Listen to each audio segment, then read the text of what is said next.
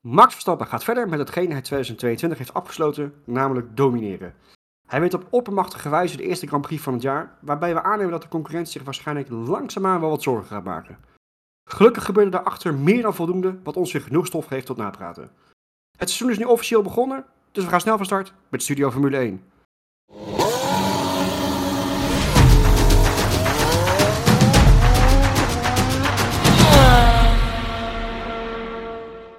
Mannen, goedenavond, welkom. De eerste zit erop. En ik zie het een beetje als uh, een beetje WK voetbal. Je zit er heel erg lang serieus, kijk je eruit. Uh, je hoopt op allerlei rare verrassingen en gekke dingen. En uiteindelijk wint er dan in plaats van een Duitse winter dan een Nederlander. Maar uh, het was een beetje, een beetje meer van hetzelfde als vorig jaar, als je vooraan kijkt. Toch best wel een interessante race gezien, denk ik. Maar voordat we echt even naar de zondag gaan, denk ik wel even goed om toch eventjes terug te gaan naar de vrijdag. En dan vooral even focussen op die andere Aston Martin, die ook nog meedeed. Die van Lance Stroll. En dan wil ik vooral even terug naar het stukje um, halverwege vrije training 2 was het volgens mij. Op een recht stuk zie je Lance Stroll hier zo met zijn hand uh, van stuur af van echt zo naar kijken van oeh dat doet zeer. Bochtje naar rechts ging eigenlijk op zijn Kubica's met één hand eigenlijk. En ging niet top. Um, we zijn natuurlijk in onze vorige, uh, vorige aflevering in de voorbeschouwing al van uh, Drukovic die gaat waarschijnlijk rijden. Um, had ik al ik zelf ook verwacht naar afgelopen vrijdag nog. Maar het tegendeel is, is waar. Ik vraag me af of het verstandig is met oog op nou ja, de toekomst en herstel en dergelijke. Als jij natuurlijk een, blessure hebt die niet goed hersteld is. En je gaat vervolgens gewoon door, dan kan het alleen maar erg worden, heb ik het idee. Maar dat, dat is hoe ik erover denk. Hebben jullie zoiets van, nou, een slimme keuze? Of hadden jullie ook zoiets van, laat hem, had hem maar even aan de kant gelaten? Ja, ik vind, ik vind het wel een slimme keuze. Helemaal als de Martin natuurlijk voor de dag kwam. Je, je wil gewoon rijden. En ja, natuurlijk, de kans op uh, dat die blessure nog erger wordt, is altijd aanwezig. Maar goed, ik, ik, was wel verrast natuurlijk met de gebroken pols. En het deed me een beetje denken aan uh, vrachtwagenchauffeur hoe uh, Strol aan het rijden was. Hij moest eigenlijk in de bocht ook constant dat stuur een beetje overpakken, omdat hij niet goed kon... Ja, die pols die kon hij niet goed bewegen. Dat zag er ook ja. wel grappig uit. Klopt, klopt. Ja. Ik, uh, ik kan me er wel in vinden, af... Thomas. Doe maar Chris. Maar Chris. Ja, ik vraag me wel af hoe dit, zeg maar, voor zijn herstel is. Ja, er, is, vooral. er lopen honderden fysiotherapeuten daarom. Dus die hebben er vast iets zinnigs over gezegd voor die tijd. Dus uh, ik ben Nou, benieuwd waarom ze dat hebben laten doorgaan. Nou ja, en daarnaast, ik bedoel, we hebben ook op onze Twitter hebben we toen afgelopen vrijdag even een filmpje gedeeld van hoe hij uit de auto werd geholpen. Want hij kon gewoon zelf de auto niet eens uitkomen. Voor zover ik weet en voor zover wij weten, moet, uh, is er gewoon een, een, regel voor bij de FIA voor, voor veiligheid dat je binnen 10 seconden die auto uit moet kunnen komen en een stuurtje terug moet kunnen hangen. Nou, dat was echt geen 10 seconden, dat waren er minimaal 40. En hulp van 5 man. Um, schijnbaar heeft hij het toch, achter de schermen heeft hij het kunnen doen uh, bij een test. Uh, had er wel twee keer verloren trouwens. De eerste keer was niet geslaagd, de tweede keer was wel geslaagd. Maar ik, ja goed, ik, uh, ik, ik, ik vond het erg verrassend dat hij in ieder geval zaterdag en ook zondag weer aan de start stond. Maar goed. Maar Stols race gaan we denk ik zo meteen eventjes verder bestuderen. We kunnen natuurlijk eigenlijk, wat ik eigenlijk in de intro ook al zei, we kunnen niet de race bespreken zonder toch weer, het begint inmiddels beetje saai te worden, zou ik bijna zeggen, om toch weer bij Max Verstappen stil te staan. Waar iedereen had zoiets had van, nou, hè, budgetcap overs overschrijding, weinig windtunneltijd, um, die gaan waarschijnlijk echt wel wat inleveren, maar niks is minder waar. Um, het was zowaar nog erger dan vorig jaar, heb ik het idee, of niet? Ja, dit is een beetje een bokser die gelijk een uppercut uh, aan iedereen uitdeelt. Daar kwam het een beetje op neer. Red Bull zag natuurlijk naar de wintertest al heel goed uit. Maar goed, dit, dit was wel uh, een stukje dominantie dit weekend in Bahrein. Het deed me een beetje denken aan Mercedes-Hamilton tijdperk. Hè, dan had je de twee Mercedes er vooraan en uh, ze controleerden de boel. Nu was dat bij Red Bull.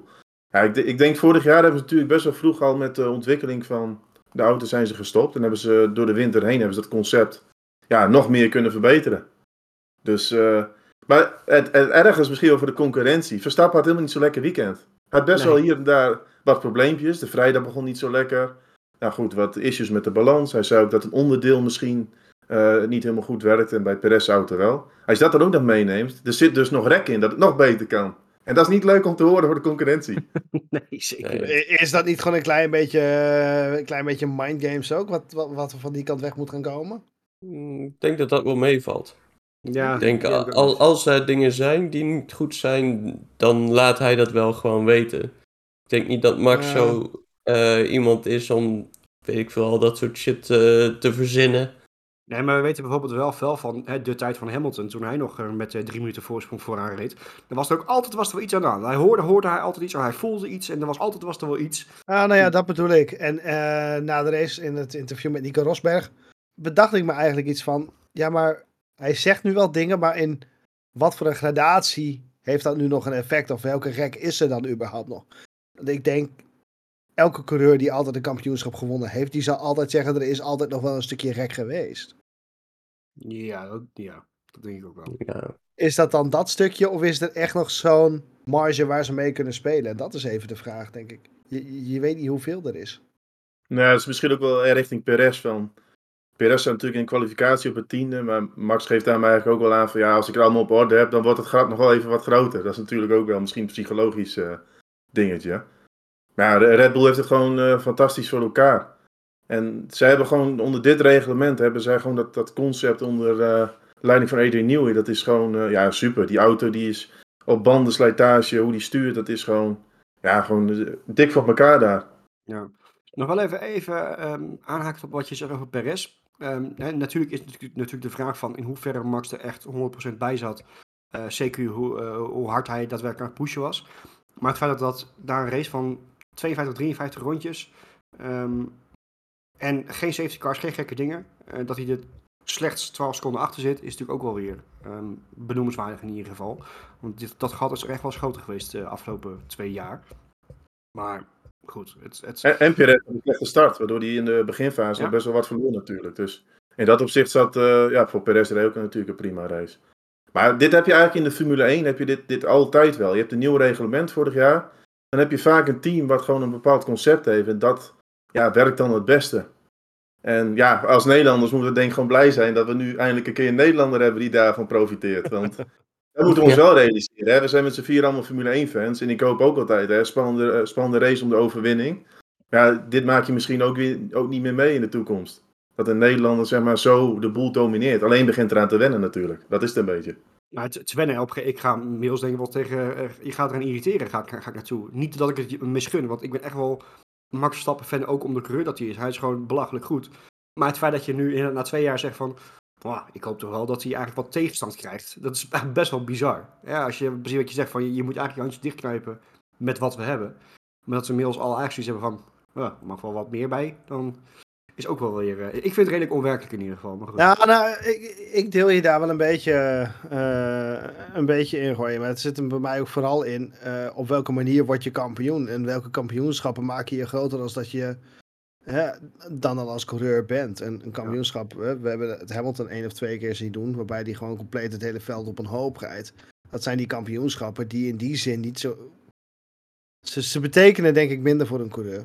Althans, dat hoop ik, denk ik. Ook. Ja, maar ze gaan ook wel weer, ze, ze gaan ook wel weer de boeken in natuurlijk als een uh, soort van legendarisch kampioenschap gewoon door de op overmacht die je had. Hè? Denk Jawel, aan tuurlijk. Schumacher, uh, Schumacher 2004 volgens mij, dat hij in Frankrijk gewoon kampioen werd. Weet je, dat staat natuurlijk helemaal nergens op. Maar het staat wel steeds bekend als een van de meest dominante, dus hè, misschien ja. wel het beste seizoen voor Schumacher ooit. Uh, weet je, dus dat is dan een beetje tweeledig, maar goed. Nee, maar weet je, zeg voor mij als kijker is een, uh, is een kampioenschap zeker veel mooier op het moment als hij echt uit de tenen moet komen, denk ik. Ja, absoluut. Ja. 100%. Kijk, ik, denk dat, ik denk dat Red Bull één gevaar heeft. Ze hebben natuurlijk die windtunnel penalty. Ja, met de doorontwikkeling. Dat is natuurlijk. Maar goed, als je die marge ziet dit weekend. Ze hebben wel een flinke marge ook te verdedigen ten opzichte van de rest. Dus Klopt. Ja, ik denk dat ze daarom ook wel moeten. Want de rest heeft nog tijd en uh, ruimte om zeg maar door te ontwikkelen. En dat zal voor hun uh, sneller stoppen. Klopt. Die wil ik, dat over het ontwikkelen wil ik even parkeren tot, tot later. Want ik denk dat er nog een ander team bij komt die daar uh, juist ook andersom mee, mee, om, mee omgaat. Want um, om even die sprong te maken, we kunnen niet omheen. de elephant in the room zou je bijna kunnen zeggen, maar 41 jaar oud maakt een overstap waarvan we allemaal denken van, waarom doet hij het? Hij staat op het podium, Fernando Alonso. Um, je kan zeggen, hadden we het verwacht, hadden we het niet verwacht, maar het is natuurlijk magistraal. Ik, ik had het verwacht. We hebben vorige week natuurlijk onze voorspellingen gedaan. Alonso podium, zei ik. Maar dan moet ik zeggen, naar de testen zag het er goed uit. Maar het was altijd een beetje afwachten van, hè, kunnen ze echt met die grote teams mee? En dan zag je op de vrijdag al op de zaterdag, uh, ja, een beetje ik heb echt genoten van Alonso en Aston Martin dit weekend. Dat was gewoon fantastisch. En voor mij ook echt uh, duidelijk de top van het weekend. Want ja, wa- wat die man nog steeds presteert, dat is echt. eh, vooral in de race heb ik er zo van genoten. Eh, bij de start wordt hij bijna getorpedeerd door zijn teamgenoot. Maar hoe hij daarna terugkomt en qua bandenmanagement, dan zie je nog steeds dat Alonso is echt eh, dat is een fenomenale rijder. Ja, en vooral zijn, zijn, zijn acties. Weet je, de, in, in, inhalen in bocht 9 of 10 is dat volgens mij. Dat doet helemaal niemand. En 10, meneer 11, zet hem, zet- ja. eh, of 11, ja, meneer zet hem er gewoon naast, blokkeert niet. En, en nou, ik, ik vind het magistraal. Ik bedoel, ik, eh, het is algemeen bekend, ik ben geen fan van de man. Maar dit, eh, dit, dit kan je niet ontkennen, dit is gewoon een magistrale race geweest. Ja, ja dat was Ja, je gaat ook geen grotere fan worden door dit soort dingen, hè? Of, of Mm. toch of con- continu een klein beetje. Nou, kijk, de coureur Alonso is, is prima. Maar ik vind het gewoon een vreselijke vent. Dat, dat, dat hoort er ook bij. Dus ja, en het is nog steeds een vreselijke vent. Want aan het begin, toen Lance Stroll hem aanreed, was er van, ah, ik ben aangereden door wie? En net alsof hij niet wist door wie die was aangereden. Hij wist donders goed door wie die was aangereden. Weet je, dat is ook wel van die spelletjes van eh, mensen te vriend houden of niet te vriend houden. En, nou, Maar. Roy, daar zeg je wat. Het wordt een vreselijke vent wanneer zijn teamgenoot altijd in de buurt komt. Dat hebben we in het verleden gezien. Hè? Vorig jaar met Ocon, dan begint er wat gedonder en eh, zijn er wat eh, psychologische spelletjes. En dat is nu perfect, denk ik. Want hij heeft iemand naast zich, Lance Stroll. Ja, Alonso gaat hem gewoon de baas zijn. Daar heeft hij helemaal geen concurrentie van. En dan gaat Alonso zich lekker voelen in het team. ja, dat zeker. En dan, dan is het geen vreselijke vent. En dan jaagt hij dat team aan. En ja, laten we heel eerlijk zijn, wat, wat Roy ook al eerder zei van... Toen de overstap naar Aston Martin hadden we allemaal wel zoiets van... Oké, ja, is dat, is dat nou zo geweldig? En als je dan dit weekend ziet... Want ik denk in de race dat Aston Martin ook echt qua race pace... Achter Red Bull hadden ze het gewoon het beste voor elkaar. Ja, absoluut. Wist, wist men wat Aston Martin aan het doen was? Nee, laat ik het zo zeggen. Wist Alonso dat dit er wellicht in had gezeten? Voordat hij die overstap zou maken? Hmm, Kijk, een, een, team een- een team belooft een coureur altijd gouden bergen. Eh, zowel qua salaris, maar ook als qua performance. Weet je, zoals het, eh, Alpine heeft waarschijnlijk ook tegen Pierre Gasly gezegd... ehm, joh, wij worden volgend jaar over twee jaar ook kampioen. Hè? Gasly prima race, gaan we misschien zo even over hebben. Maar dat is natuurlijk niet zo. En bij Aston Martin hadden we het allemaal hetzelfde. Want die hadden af en toe gewoon moeite om Q1 uit te komen vorig jaar. Weet je, dus je kan wel iets gaan beloven van we gaan door vooruitkomen. Maar toch even een klein zijsprongetje over Aston Martin. Ze hebben natuurlijk wat personeel van Red Bull meegenomen. Eh, natuurlijk sowieso de, eh, de aerodynamica specialist. Eh, ik ben zijn naam even kwijt, excuses. Maar wat ik heb begrepen is dat, hij nog wat, dat er dus nog wat meer Red Bull personeel is meegenomen. En ehm Helmut Marko die zei volgens mij vandaag heel grappend bij de camera van... eh, eh, nou, met het geheugen van de man eh, is in ieder geval niks mis. Want de auto schijnt nog best wel wat op Red Bull te lijken. maar dan ga je het wel afvragen. Het, het, het, het is allemaal... Wat Aston Martin doet, als je ziet waar ze vorig jaar stonden, is best wel onwerkelijk. Dus dan ga ik, of wij, gaan ons toch afvragen... Is die auto reglementair in orde? Of zijn er toch dingen die misschien niet helemaal oké is zijn? Denken we dat het gewoon... Dat het, als ze echt zo goed zijn, of zal er toch een alletje onder het gas ergens zitten, of een grijs gebied ergens, of... Maar ze zijn door de keuring gekomen.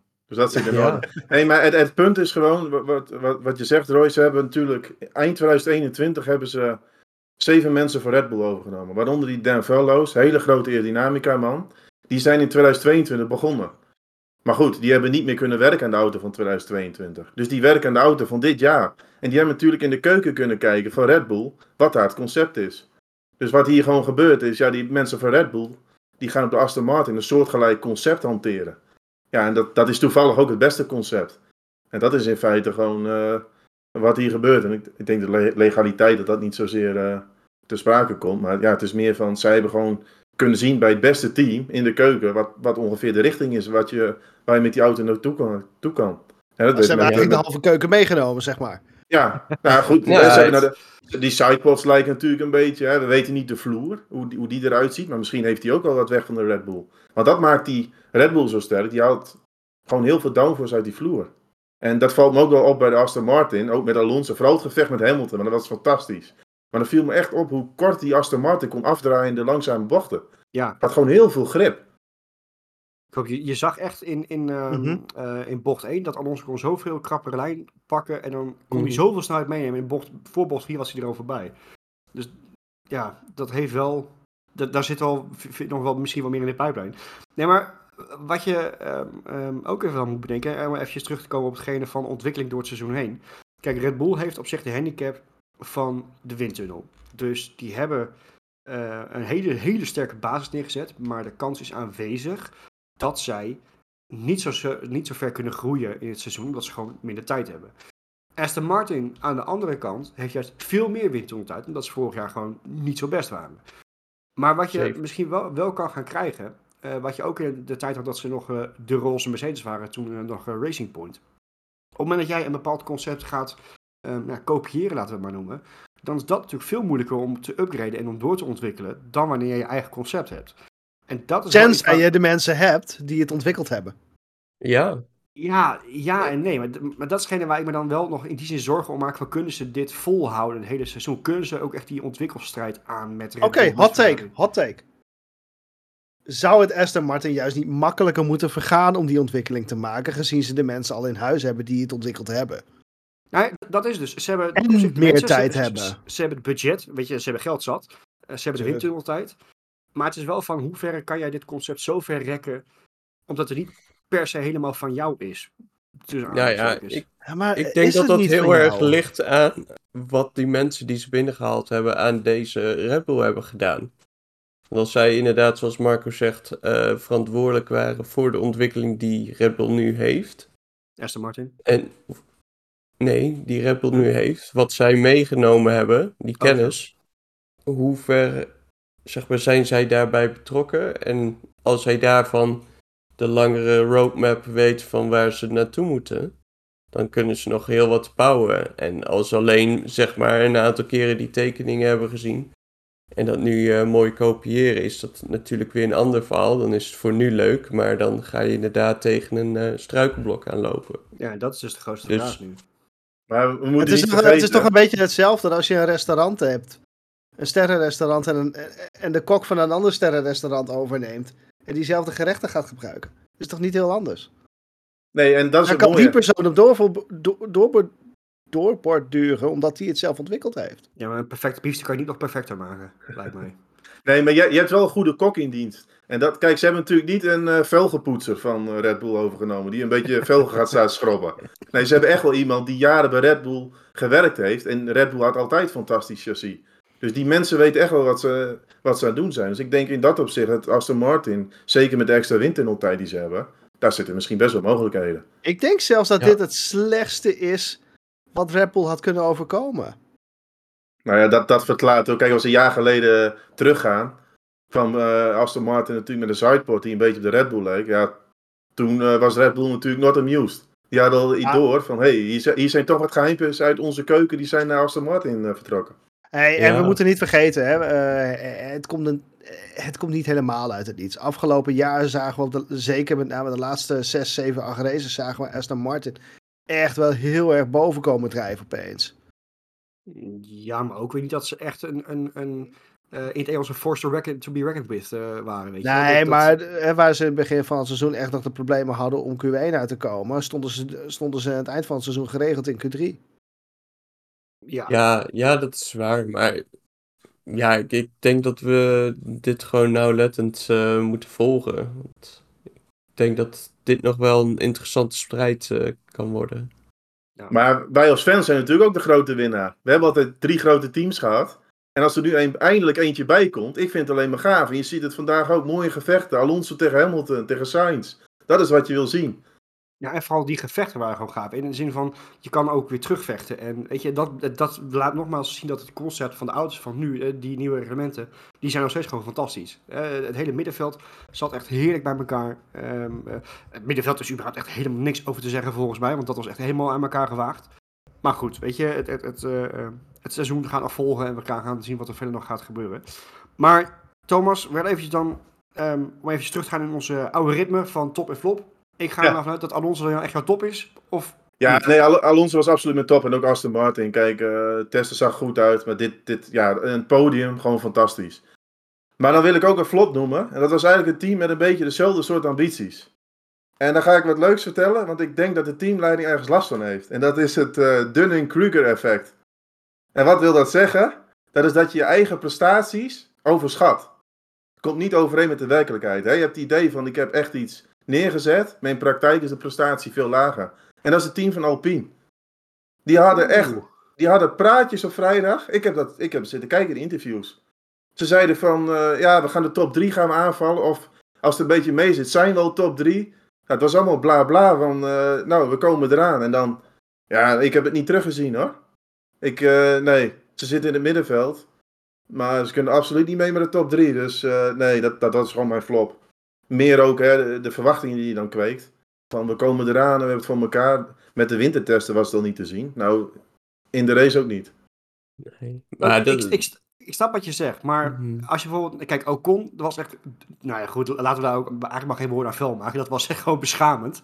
Eh, maar Gasly was, had echt een hele sterke race. Had natuurlijk, de zaterdag was gewoon helemaal ruk. Maar de race was gewoon sterk. Weet je, van achter toch in de punten. Ik snap wel een beetje wat Thomas zegt. Want Jawel. op het moment als jij zulke. eh, ik, ik heb die interviews ook gezien. Op het moment als je met zulke sterke woorden denkt dat je echt tot de top 3 behoort. Dan mag je. Dan moet je tenminste nu het gat tussen, het, tussen de top 4, want dat is het nu. En het middenveld gedicht hebben. En daar zit een wezenlijk gat. En daar hadden ze dan moeten zitten. Als ze al iets aan het doen waren wat, wat, wat op aanhaken leek.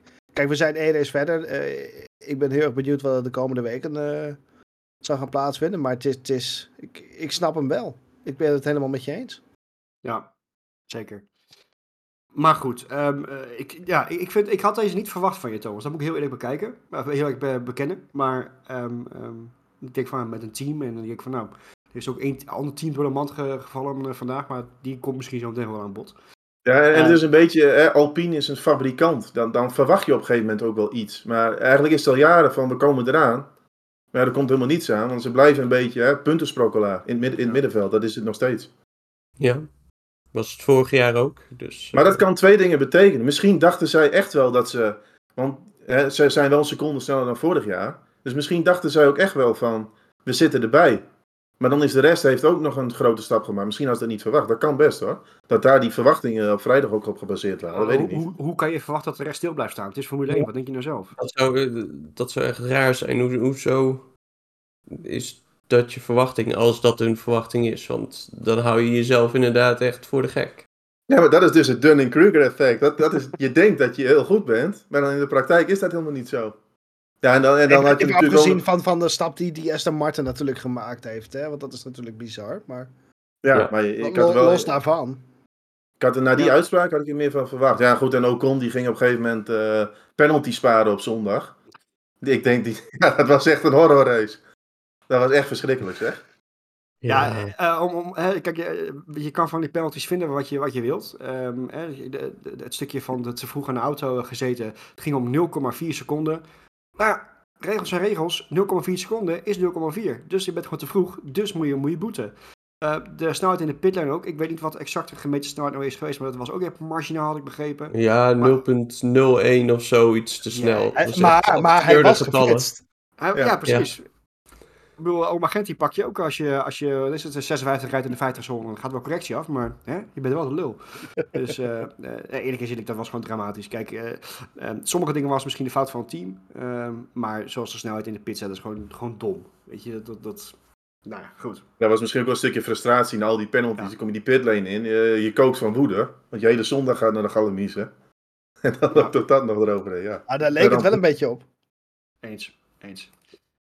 Dan wil ik toch, eh, ja, ik, ga dan toch hem even overpakken om toch nog eh, eh, het Frans Volkslied een beetje positief eh, te laten klinken. Ehm, want ik had namelijk wel Pierre Gasly eh, als top ge- genoteerd. Puur omdat hij, ik vind, gezien echt een baggerkwalificatie en het feit dat inderdaad de Alpine niet de allerbeste auto van het veld is, dat doe ik, zeg ik hetonnetjes, dat hij toch naar P9 rijdt, ehm, vind ik wel gewoon mega knap. Dus eh, ehm, het was op zich niks bijzonders. In de zin van dat hij hele gekke dingen liet zien. Maar de pace was in principe wel gewoon goed. En gewoon mooi van achter, eh, van achter naar voren gewerkt. Dus eh, wat mij betreft echt wel complimentwaardig.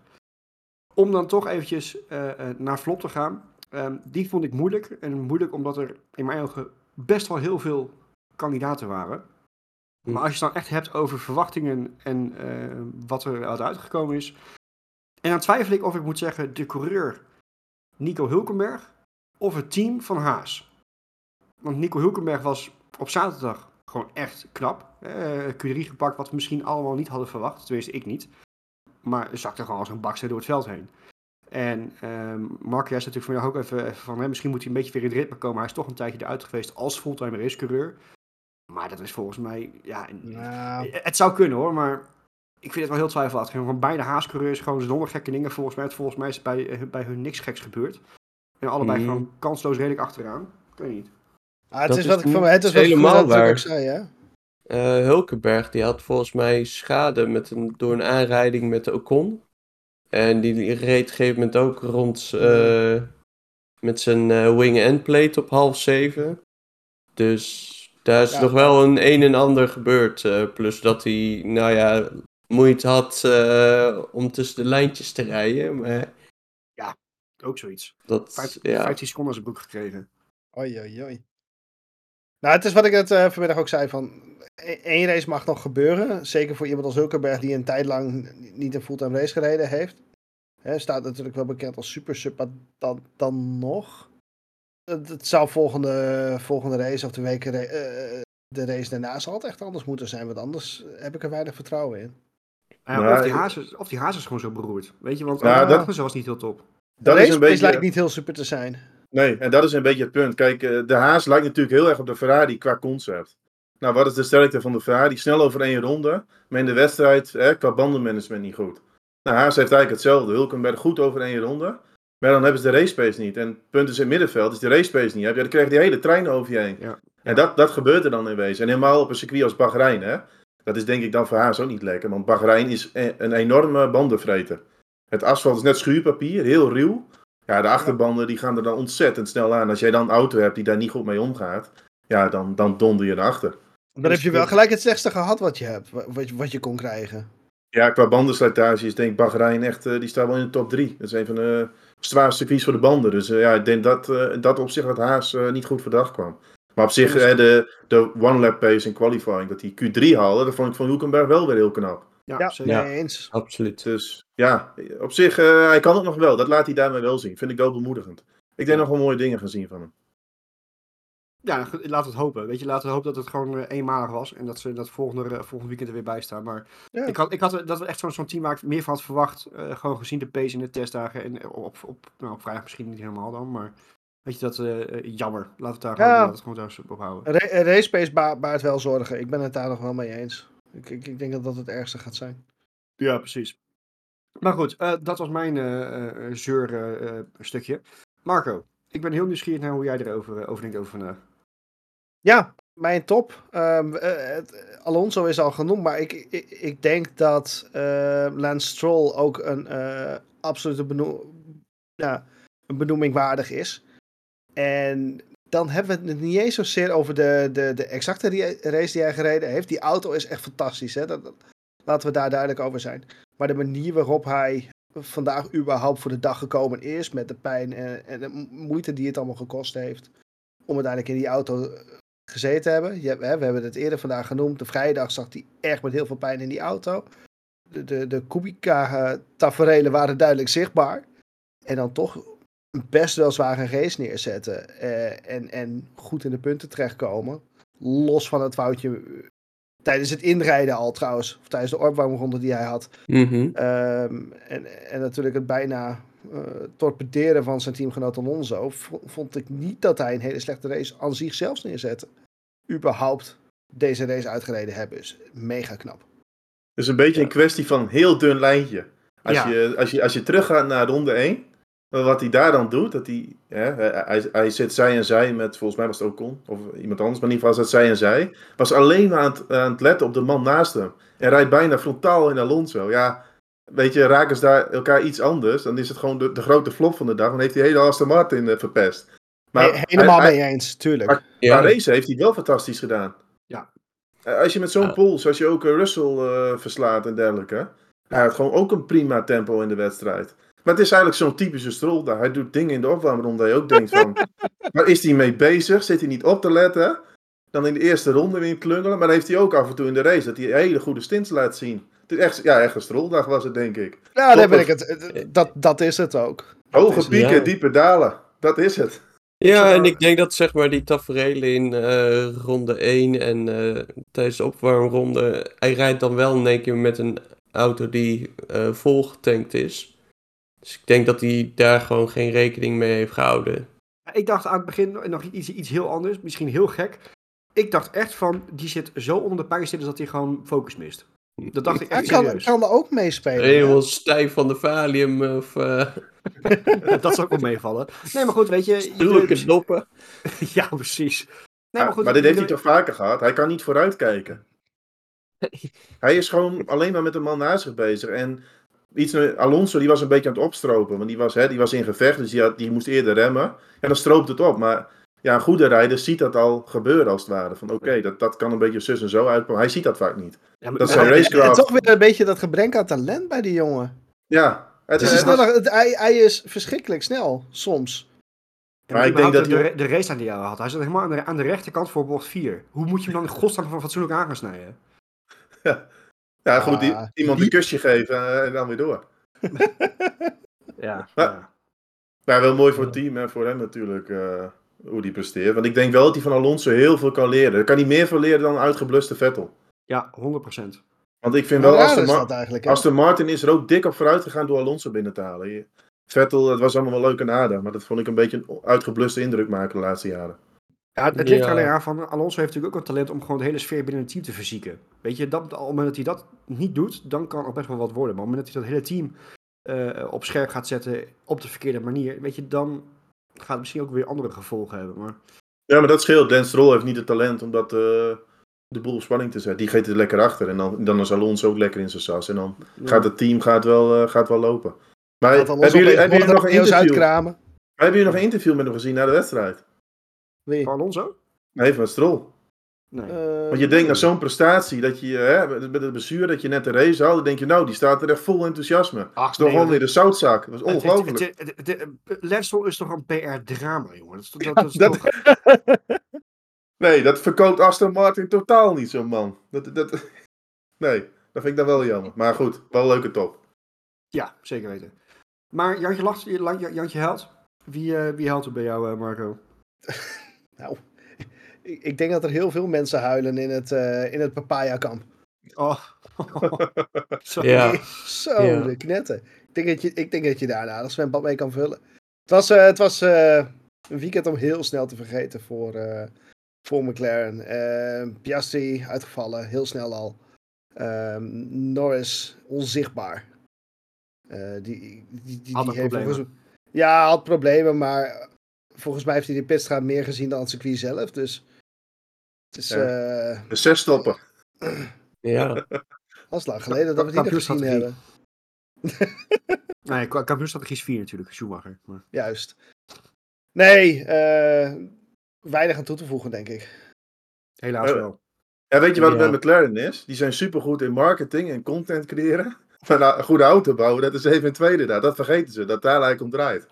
Ja, maar ze hebben wel, eh, eh, hoe heet het, ehm, ehm, aanpasbare sponsors op de auto, hè, met, i met een e-ink eh, scherm. Ja, daarom. De Dus- marketing en de, de content die ze Ja. maken is fantastisch. Alleen een goede auto op het circuit brengen. Nu, nu Ja, viel ja, maar dat hebben ze ook wel nodig eh, nu eigenlijk. eh, want Ja, maar als je niks met het geld doet.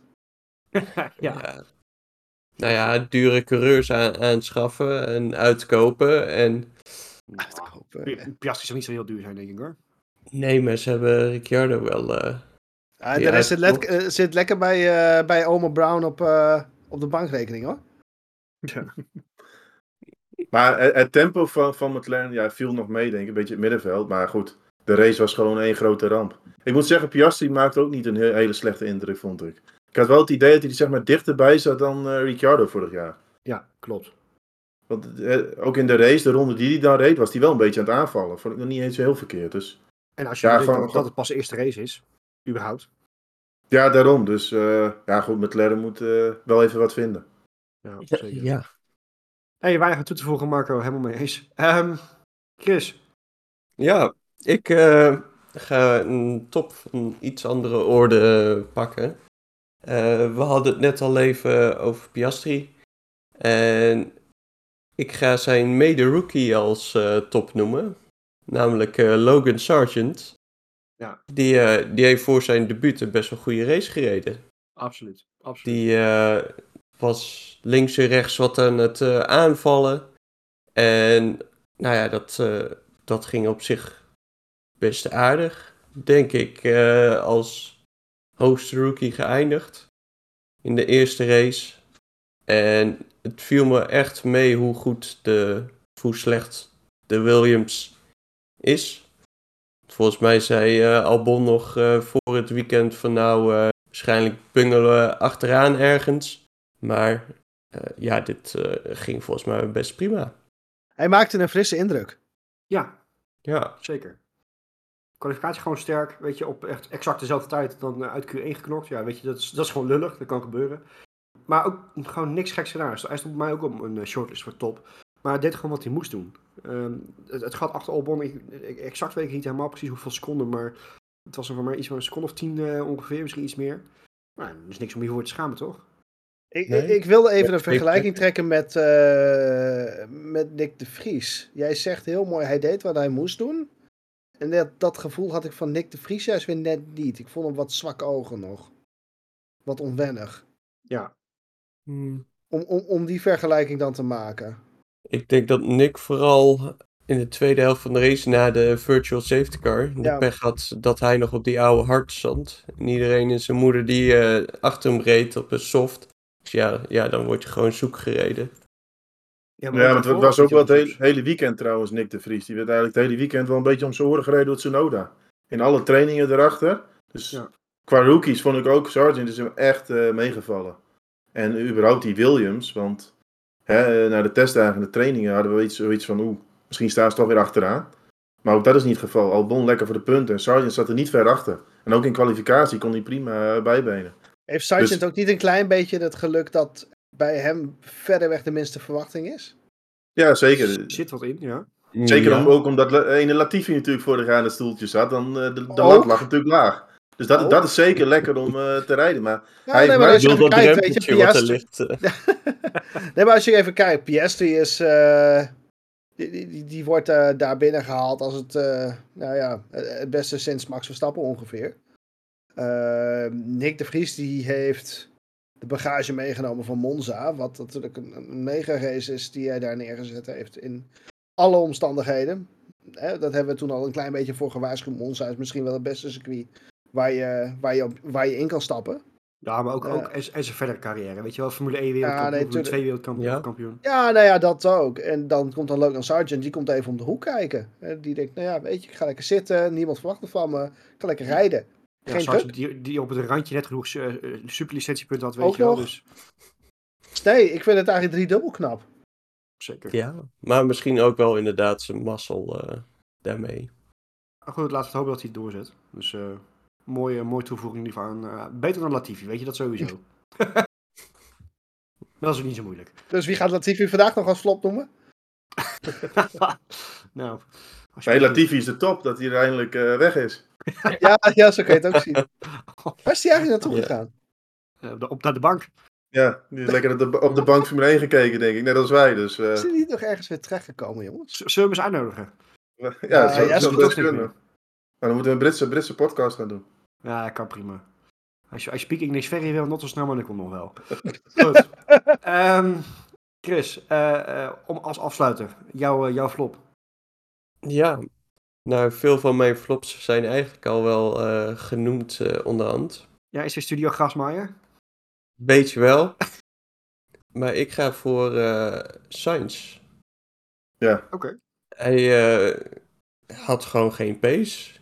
Was een beetje aan het rondcruisen. Eh Leclerc was hem nou het hele weekend volgens mij makkelijk de baas. En hoewel het zeg maar tijdens de nou ja, speedruns eh, wel vlot leek. eh, wat Thomas al eerder zei, zeg maar met de Ferrari, dat ze in een ronde wel snel zijn, maar race pace was echt ver te zoeken.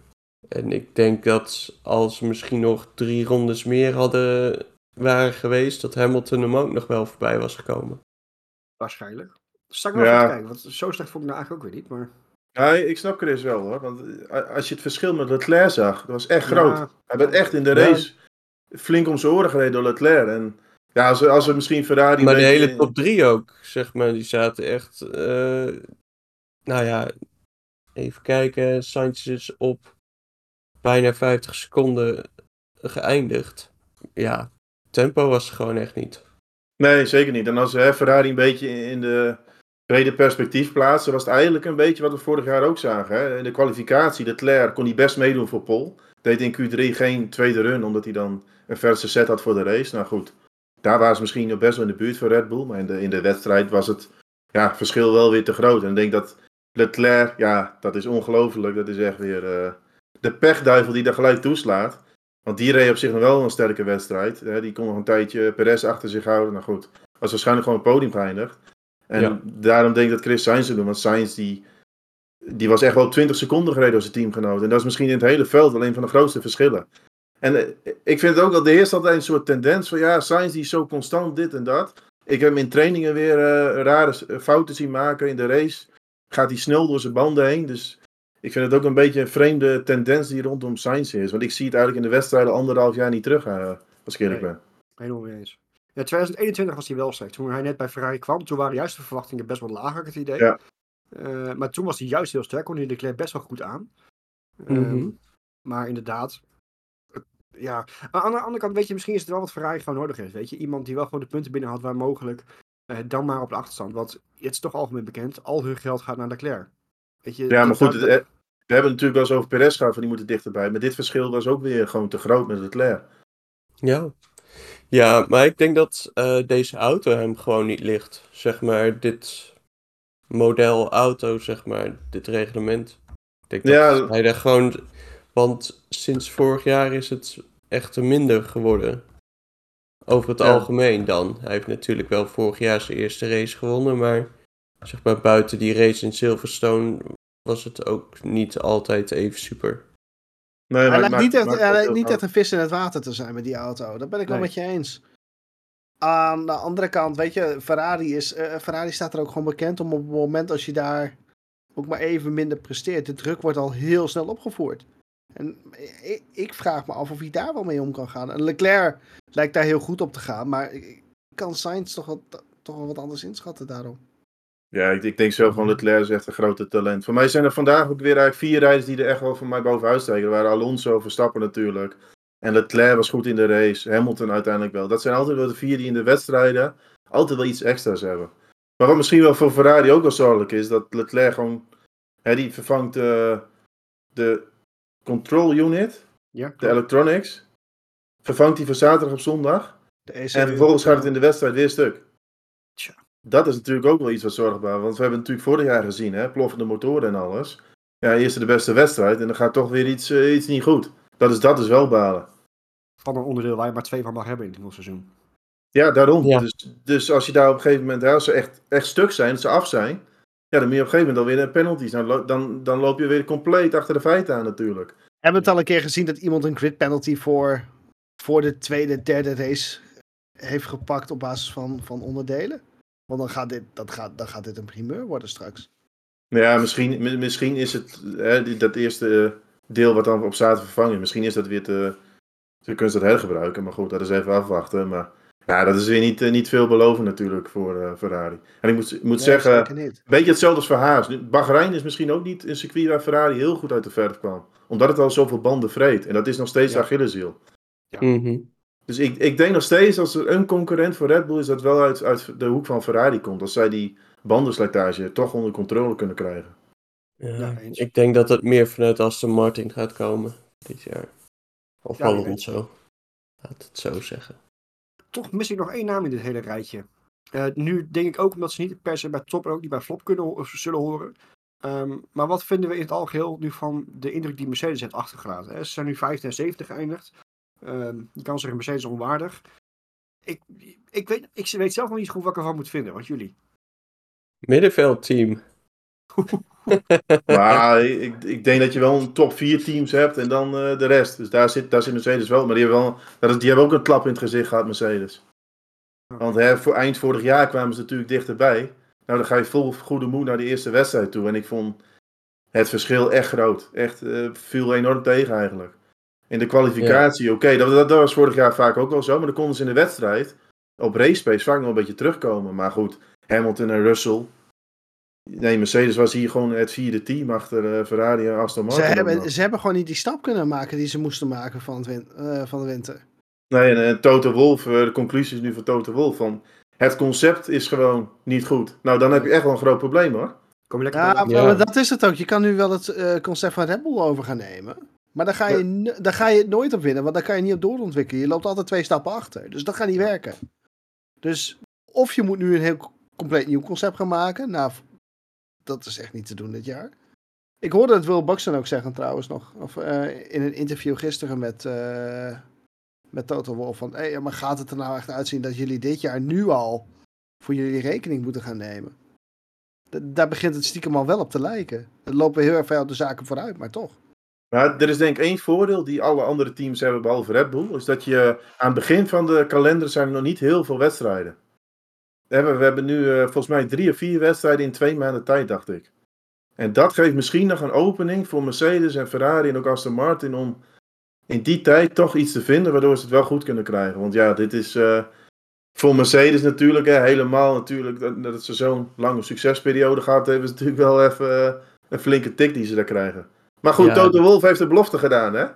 Hij heeft gezegd van, ik ga Lewis Hamilton nog een auto geven waarmee hij zijn achtste wereldtitel kan binnenhalen. Dus, Gaat hij Red Bull overkopen? dat kan ook. De Hamilton straks als 60er in die auto zit. Oei, oei, oei. Achter de rollator het podium op, maar wel achtste wereldtitel winnen. Ik vond overigens trouwens bij Mercedes Hamilton wel weer sterk in de wedstrijd ten, over, ten opzichte van Russell. Die Russell ging toch weer iets, iets snel door zijn banden heen. En dan, ja, dat is altijd wel weer de kracht van Hamilton. Maar goed, die strijdt niet graag om een vierde, vijfde plek, denk ik. Helemaal Nee. niet Alonso. Nee, dat, dat- stiekem is dat wel leuk, hè? Dat zijn natuurlijk de twee campanen geweest.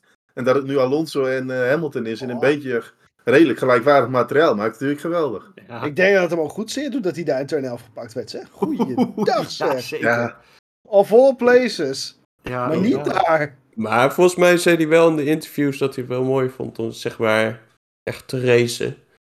Dus dat... Ja. eh, ja weet je wat lijkt moet je nu, nu dan ook van hebben, zeg maar. Ja. Ja. Maar Hamilton is altijd redelijk blij, zolang hij maar voor Russell finisht. Dat valt me altijd op. Want als hij, als hij achter Russell finisht, is hij heel kort af bij de media. Ja. Hm. Dat is me echt, dus, daar moet je eens op letten. Dat is echt eh, iets wat er wel Ja, opvalt. maar dat, is, Zolang- dat, is toch ook, dat is toch ook de belangrijkste eh, maatstaf die je eigenlijk hebt. Ja, zeker. Maar dan zie je wel, hè, zolang hij die drive, zolang hij nog heel zuur van is als hij achter zijn teamgenoot eh, zit, dan heeft hij nog steeds de drive en dan gaat hij ook nog wel door. Ja, Klopt. vast wel. Eh, eh, wel jammer dat Hamilton niet op het podium kwam. Werd hij geïnterviewd door Nico Rosberg. Had ik echt hilarisch gevonden. Nico Dat was Rosberg, gezellig. dat weggelopen was. Nico Rosberg ook eindelijk weer terug. Joepie. Goed. ehm, Jouw grote vriend. mijn grote vriend. Nee, ehm, zonder gekheid. eh, wel top dat, het, er- dat, dat de eerste in ieder geval hierop zit. Ehm kijk er zo lang uit, is het ook zo snel weer voorbij. Eh, over twee weken mogen we gelukkig weer in Saudi-Arabië. Dat is altijd spektakel. Dus eh, ehm, eh, hoeveel rode vlag gaan we krijgen? Nou, gaan we volgende week trouwens wel op, op terugkomen. Want eh, dat zal sowieso eentje, eentje zijn. Voordat we hem gaan afronden, eh, want we hebben- ik denk dat we de race in ieder geval wel gedekt hebben, ehm, hebben wij nog eh, andere nabrandertjes die echt even meegenomen moeten worden voordat we hem af, afkappen. Ja, F1 TV. Een kleine update voor de F1 TV eh, voor dit jaar. Dat is eh nieuwe commentatorpositie voor Alex Jakes. Ja. Eh, voor, voor de mensen die hem. die, die toch het Nederlandse commentaar inmiddels weer zat zijn. Ik kan het nu nog meer aanraden dan voorheen. en Ehm, David Coulthard erbij. en David Coulthard erbij. Dus dat betekent ook dat ik de definitieve overstap ga maken van eh, Channel 4. Of wat is het? Eh, Nee, Sky toch? of eh, Sky bedoel ik. Channel 4. Ja, ga je echt afscheid nemen van Crofty? Kan je dat? Ik, ik, ik ben bang dat ik afscheid nemen ga, ga van Crofty. Wat verdikke. Ik, ik moest hem ook al missen tijdens het darten van, van de winter. Maar, Oh ja. dus nee, ja, geen Crofty meer, denk ik. Nee, Alex Jakes heb ik altijd al van gezegd. Van, joh, dat als, als die het commentaar gaat F1, dan, Ja. dan, dan ben ik verkocht. En, nou ja, dat, heb ik, eh, dat hebben we dit weekend mee mogen maken. En volgens mij hebben we allemaal dezelfde stream gekeken deze keer. Ja. Thomas niet. Of eh, nee, Thomas niet. Nee, ik heb op zondag voor het eerst een Viaplay gekeken. Ja, ik moet Oh, zeggen, na alle kritiek viel me dat eh, in alle opzichten nog wel mee. Mag ook maar- wel een keer na een jaar. ja, Ja, zo ja, juist kunnen oefenen. Ik keek niet thuis, dus ik was in de positie dat ik Viaplay eh eens gekeken heb. Maar ik moet zeggen, de analyses en alles om de wedstrijden heen vind ik nog wel van een ja, best wel goed niveau op zich. Alleen het commentaar tijdens de wedstrijden, ja, dat mist misschien een stukje emotie en alles. Maar ja, na alle kritiek viel het me eigenlijk eerlijk gezegd wel een beetje mee. Ja, ik, ja, ja ja, En, en Zo. ja, smaken verschillen. Maar ik moet Ja, zeggen, het, nee, het team van, van F1 TV, dat, dat vind ik ook gewoon eh by far het beste. Dus de En- mensen die geen probleem hebben om Engels te luisteren, ik, ik raad het echt aan om dat gewoon... eh, En Hinchcliffe komt terug. Ook nog inderdaad, ja. Ja. Ja. Uh, it only gets better. Ja, zeker weten. En, misschien nog als korte nabrander. Zo'n eerste weekend is voor mij altijd extra leuk. Want het was mi- misschien niet de meest eh, spectaculaire Grand Prix. eh, er gebeurden misschien niet heel veel crashes en gekke dingen. Maar zo'n eerste weekend is het toch. Want hè, al de analisten natuurlijk. Hè, wie heeft de snelste auto? Wie zit op de tweede plek? Dat is natuurlijk super leuk. En dan eindelijk zaterdagmiddag ga je echt een beetje die snelheid zien. En dan in, in de wedstrijd. Ja, dat vind ik. Zo'n eerste weekend vind ik altijd fantastisch om te kijken. Ja. Welk Je ziet het ook heel is. langzaam die puzzelstukjes op een plek komen. Ja, al rijden we op Shotzi, dan vind ik het nog super. Ja. Nou ja, goed, maar je zegt wel, ra- ongehouden op welke circuit we rijden. Ik, ik, ik begin Bahrein echt steeds meer te waarderen. Gewoon elk jaar Zeker. weer. Kijk, Melbourne als opener, dat is natuurlijk altijd magistraal. Gewoon lekker ontbijt op bed of waar dan ook, weet je. Gewoon lekker vroeg. Ehm, dat heeft gewoon iets. Maar Bahrein helemaal sinds we dat in het donker doen. ehm, ik, ik vind het wel een fijn baantje. Echt van de zandbakbanen vind ik het echt absoluut de allerbeste. Ja. Voor het racen, of het, het is een- hij is lekker pittig voor de banden. Je kan er gewoon lekker inhalen, lekker eh, volgen, helemaal met deze auto's. Ja, ik, eh, eh, ik ben echt wel fan ervan hoor. Dus. En, en even een pluspuntje. Ze hadden natuurlijk de DRS-zone op het rechte stuk 80 meter korter gemaakt. Ik vond het een stuk beter. Want je had Ja. niet meer, ja dat noem ik altijd een snelweg in al actie. Hè? Dat je op de linkerbaan gaat en je zwaait nog even met die DRS open en je vliegt er voorbij. Dat is voor mij helemaal niks waard. Maar ik vond het nu goed afgesteld. Want je moest echt iemand uitremmen of oplijnen voor eh, bocht 3 was het. Dat je daar een betere exit had. Dat zagen we ook veel. Dus ik vond het eh, qua race een stuk beter. Absoluut. Ja, Goed absoluut absoluut. Mooi. Dan gaan we langzaam toch echt richting het einde van, eh, van deze uitzending in ieder geval. De eerste van het jaar. De eerste race-uitzending van het jaar. We hebben natuurlijk al eentje gehad. Toch mooi om te zien hè, dat we ondanks dat het misschien niet de meest spectaculaire race was, dat we toch weer genoeg ja, stof tot, tot nadenken hebben en om over te praten. In ieder geval mooi. We hebben echt eh, een mooie basis hebben we staan. Dus we gaan hopelijk een eh, ontzettend leuk seizoen gaan we tegemoet. En hopelijk eh, met nog meer mooiere, memorabele races. Maar daar hoop ik wel een beetje meer spanning vooraan. Dat is toch eigenlijk het enige wat we dan denk ik nog vragen. Maar de basis is in ieder geval gewoon super, super leuk. Mooi. Gaan we afronden. Mannen, dank jullie wel voor alle input. Voor de slappe ouwehoeren en, eh, en de, de mooie, eh, mooie input. Oh, mooi, dat heb ik al gezegd. Maakt niet uit. Tijd om af te ronden dus. Dank jullie wel. Luisteraars, wederom bedankt voor het luisteren. Kijkers, wederom bedankt voor het kijken. En tot eh, de volgende aflevering waarbij we gaan vooruitblikken op de Grand Prix van Saoedi-Arabië.